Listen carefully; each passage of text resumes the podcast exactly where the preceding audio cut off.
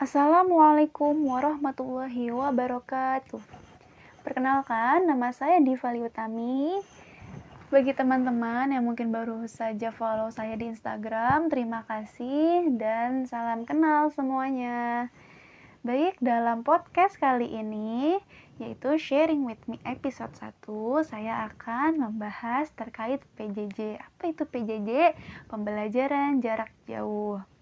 Namun bukan hanya itu, saya juga akan membagikan tips bagi kalian yang saat ini mengajar atau menjadi tenaga pendidik jenjang sekolah dasar kelas bawah. Mungkin di sini ada yang mengajar di kelas 1, kelas 2, kelas 3 ya. Karena saya pribadi saat ini mengajar di jenjang sekolah dasar kelas bawah itu kelas 1. Baik, kita langsung saja ya ke materi Kementerian Pendidikan dan Kebudayaan melalui surat edarannya Menteri Pendidikan dan Kebudayaan nomor 4 tahun 2020 berisi arahan mengenai belajar dari rumah atau BDR melalui pembelajaran jarak jauh.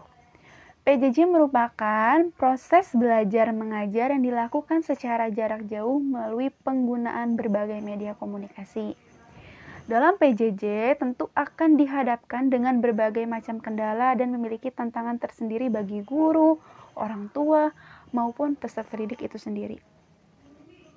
Namun, memang kita sebagai manusia bukan hanya dituntut ya, kita guru bukan hanya dituntut untuk terus bergerak atau berinovasi, kita juga harus belajar beradaptasi dengan hal-hal yang baru. Contohnya yang mungkin sebelumnya kita tidak paham terkait platform ya yang sering kita gunakan, aplikasi-aplikasi teleconference seperti mungkin Zoom, Google Meet, Duo atau mungkin ada yang memakai aplikasi WhatsApp sebagai media untuk melaksanakan PJJ tentunya kita akan dihadapkan dengan hal-hal yang baru atau yang mungkin sebelumnya tidak pernah kita ketahui.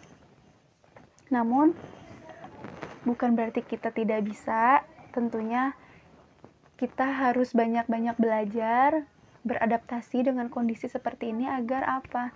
Agar peserta didik kita juga bisa menerima pembelajaran seperti biasa walaupun mungkin ya banyak kendala yang kita hadapi, banyak tantangannya, banyak kekurangannya karena sepatutnya memang pembelajaran itu lebih efektif dilakukan tatap muka secara langsung.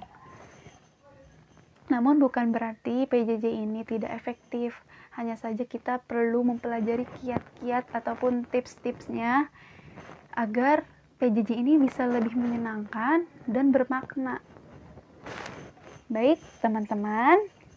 Di sini saya akan membagikan tips sedikit tips bagaimana mengajar secara online atau PJJ lebih bisa menyenangkan dan bermakna bagi peserta didik itu sendiri. Hal yang pertama yang kita lakukan tentunya kita selaku guru belajar mengenali karakter setiap peserta didik. Loh, bagaimana? Bukannya kita belajar online, kita nggak bisa melihat satu persatu, kita tidak bisa memantau secara langsung bagaimana karakter dia, bagaimana kebiasaan atau gaya belajar dia. Nah, teman-teman, maka dari itu PJJ ini akan lebih efektif, akan berhasil apabila ada kontribusi dari kedua orang tua ya, saling bersinergi dalam menciptakan suasana belajar di rumah. Nah, teman-teman, contohnya di sini, misalnya kita bisa bertanya kepada orang tua murid ya, kepada orang tua si peserta didik, wali murid kita terkait keunggulan pribadi peserta didik kita, gaya belajarnya, bakatnya, serta minatnya juga ya. Kita bisa tanyakan langsung ketika nantinya kita belajar online, kita tahu karakter atau gaya belajar masing-masing peserta didik kita. Namun, itu juga perlu kontribusi dari orang tua tentunya karena apa ketika anak khususnya kelas bawah itu masih perlu pendampingan orang tua apabila tidak didampingi secara maksimal tentunya PJJ tidak akan berhasil yang kedua, gunakan kelebihan atau keunggulan pribadi peserta didik sebagai motivasi. Contohnya mungkin bentuk sapaan kita terhadap mereka itu ya kita bisa uh, memberikan ungkapan pujian ataupun apresiasi ya setiap apa yang sudah mereka lakukan selama pembelajaran itu kita bisa berikan untuk uh, memotivasi agar peserta didik bisa lebih semangat lagi belajarnya. Yang ketiga, beri kesempatan untuk menunjukkan kelebihannya atau kesempatan berpendapat agar PJJ bisa lebih aktif dan interaktif.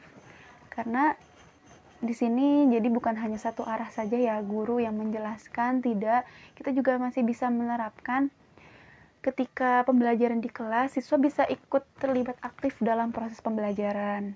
Itu tadi ya, kita berikan kesempatan mereka berpendapat. Yang keempat, beri kesempatan untuk melibatkan peserta didik Contohnya, ini disesuaikan dengan materi atau muatan pelajarannya, muatan pembelajarannya misalnya misalnya lagi belajar PPKN. Kita berikan kesempatan untuk mereka berpendapat atau misalnya lagi diskusi lagi berdiskusi kita bisa melibatkan pada saat-saat seperti itu atau mungkin lagi pada saat belajar bahasa Indonesia kita bisa melibatkan mereka juga ketika sedang bercerita. Misalnya bercerita pengalaman mereka selama belajar di rumah itu seperti apa kita bisa melibatkan. Jadi di sini ada uh, interaktif ya antara peserta didik dan guru. Bukan hanya dari guru saja tapi siswa juga terlibat dalam proses atau dalam kegiatan pembelajaran itu sendiri. Yang kelima, beri ujaran yang positif setiap kali ya, setiap kali kita menutup kelas online. Nah, jadi di sini kita berikan semangat, kita berikan kata-kata motivasi, insya Allah ya, anak-anak pasti akan tergugah atau dia bisa lebih semangat lagi karena apa? Ketika kita memberikan pujian, apresiasi, semangat, insya Allah itu nanti akan menular kepada mereka. Karena hal-hal yang positif itu biasanya kan memang menular ya, menular. Kita bisa mendapatkan dampaknya gitu, karena ketika kita memberikan pujian, kita merasa dihargai. Ketika kita memberikan apresiasi, orang tersebut juga senang. Lalu yang keenam, diselingi ice breaking, tentunya ice breaking ya. Di awal pembelajaran ataupun ketika penutup ya di akhir. Lalu yang ketujuh, tapi sebentar teman-teman. Di poin 6, misalnya ya ice breaking, kalau saya pribadi saya seringnya mengucapkan atau mempraktekkan ice breaking seperti ini. Tepuk hebat. Hebat, hebat. Hebat, hebat. Kelas 1 hebat. Nah, seperti itu, teman-teman. Jadi, ketika si anak itu mungkin jenuh, nah kita pancing aja dengan ice breaking seperti itu. Misalnya kita panggil satu anak ataupun dia suruh membacakan teks yang ada di buku. Ketika dia sudah selesai membaca, kita tepuk hebat untuk dia. Pasti nanti dia akan senang. Karena itu pengalaman pribadi saya yang mengajar kelas 1, ketika anak diberi apresiasi tepuk tangan seperti itu, itu mereka senangnya, Masya Allah ya, senang sekali. Karena karena kalau kelas bawah itu lebih kepada dia tuh uh, senang jika diperhatikan sama gurunya. Yang ketujuh, terakhir ya, Ucapkan terima kasih setiap hari sebagai bentuk bahwa guru menghargai setiap pertemuan dalam pembelajaran. Nah, tentunya kita sangat-sangat berterima kasih ya. Kita mengucapkan terima kasih terkhususnya kepada ayah dan bunda ya orang tua peserta didik kita yang sudah mau mendampingi mereka belajar dan tentunya untuk peserta didik ya, untuk peserta didik kita sendiri. Karena mereka sudah mau uh, belajar, mau tetap uh, belajar dalam kondisi seperti ini, itu kita harus banyak-banyak terima kasih juga. Jadi saling berterima kasih seperti itu, saling menghargai, saling mengucapkan kalimat-kalimat positif. Karena apa? Tidak mudah belajar dalam kondisi seperti ini, tidak mudah mengajar dalam kondisi seperti ini. Kita juga berterima kasih kepada orang tua yang sudah bersinergi, berkontribusi dalam hal pendampingan anak-anak ya belajar di rumah. Seperti itu teman-teman. Baiklah teman-teman, mungkin itu saja yang dapat saya sampaikan. Apabila teman-teman mau men-share, berbagi pengalamannya, ya, bukan hanya jenjang SD aja, TK, PAUD, SD, SMP, SMA, bahkan kuliah Yuk, mangga kita sharing bareng, kita saling kasih semangat ya kita berbagi pengalaman siapa tahu kita bisa mendapatkan solusi dengan kita e, berbagi pengalaman tersebut. Baik teman-teman, mungkin itu saja yang bisa saya sampaikan. Mohon maaf ya apabila ada kata-kata yang mungkin tidak berkenan ataupun kurang tepat penyampaiannya mohon dimaafkan. Semoga bermanfaat ya.